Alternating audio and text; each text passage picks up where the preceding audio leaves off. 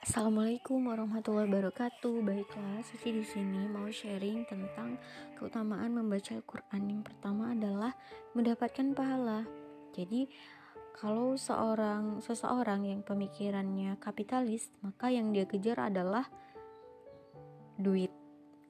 Apa-apa duit. Tapi kalau seorang muslim itu yang dia kejar adalah pahala dan juga keridoan Allah. Jadi ada nih cara mendapatin pahala e, dengan cara jalan pintas. Nah, mudah dilakukan, banyak e, benefitnya gitu. Salah satunya adalah dengan membaca Al-Qur'an. Maka di dalam hadis riwayat At-Tirmizi dijelaskan bahwa aku tidak mengatakan alif lam mim itu satu huruf, tapi alif satu huruf, mim satu huruf, dan lam satu huruf. Di mana satu huruf itu sepuluh kebaikan, masya Allah kebayang nggak ketika kita um, membacanya itu satu halaman atau satu ayat saja berapa kebaikan yang kita dapatkan? Yang kedua adalah mendapatkan petunjuk. Nah uh, gini ketika teman kita memberikan kita suatu alamat di via via chat atau menggunakan map gitu ya tapi kita sayangnya nggak bisa baca apakah kita bisa sampai ke tempat itu? Nah, begitu juga dengan hidup di dunia ini. Kalau kita ingin sampai dan kita ingin selamat ke tempat akhir, ke tempat tujuan, maka bacalah Al-Quran. Yang ketiga adalah sebaik-baik manusia adalah yang mempelajari Al-Quran dan mengajarinya. Ini kata Allah. Jadi yang baik yang baik itu bukan orang yang profesinya tinggi seperti Pak Polisi, Pak TNI gitu kan, Bu Guru atau yang lain-lainnya gitu ya. Eh kalau Bu Guru kan ya mengajarkan ya, maksudnya seperti itu. Uh, bukan tergantung dari profesinya, bukan dari uh, banyaknya kekayaannya, bukan dari gantengnya, cantiknya kayak gitu, tapi Sebaik-baik manusia adalah yang mempelajari Al-Quran dan mengajarinya. Kemudian yang keempat dibersamai oleh malaikat yang mulia. Malaikat Kiromil Baroroh. Yang kelima dipakaikan mahkota untuk kedua orang tuanya. Nah, jadi mahkota itu lebih terang sinarnya daripada cahaya matahari. Kebayang nggak teman-teman? Kalau cahaya matahari saja kita butuh uh,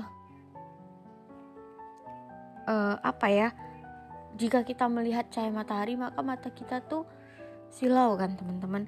Apalagi kalau mahkota itu dijelaskan bahwa lebih terang daripada cahaya matahari kemudian mendapatkan jubah kemuliaan. Kemudian yang kelima mendapatkan syafaat Nah, bacalah Al-Quran karena ia akan hadir sebagai syafaat kepada para pembacanya. Jadi bacaan-bacaan yang sering kita baca itu mereka akan menjadi saksi gitu, akan memberikan syafaat seperti itu. Kemudian dibanggakan Allah kepada makhluk lainnya.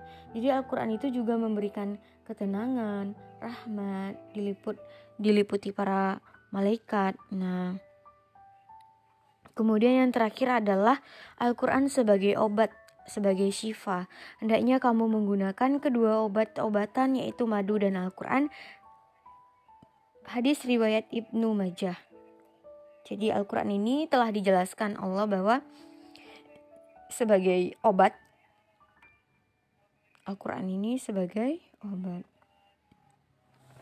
Demikianlah teman-teman uh, mungkin terlalu cepat atau bagaimana tapi mudah-mudahan bermanfaat walaupun materi ini sudah sering kita dengarkan di uh, dari mungkin dari SD, SMP, SMA bahkan di kajian-kajian tapi jangan menyepelekan ilmu yang sering kita dengar kayak gitu.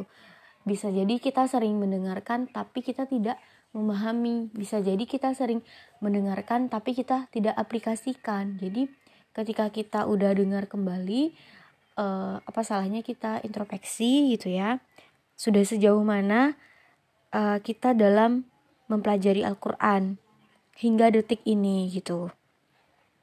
Maka dari itu, maka dari itu teman-teman, uh, mungkin kesalahan itu datangnya dari suci dan kebenaran itu pasti datang dari Allah Mohon maaf atas kesalahan.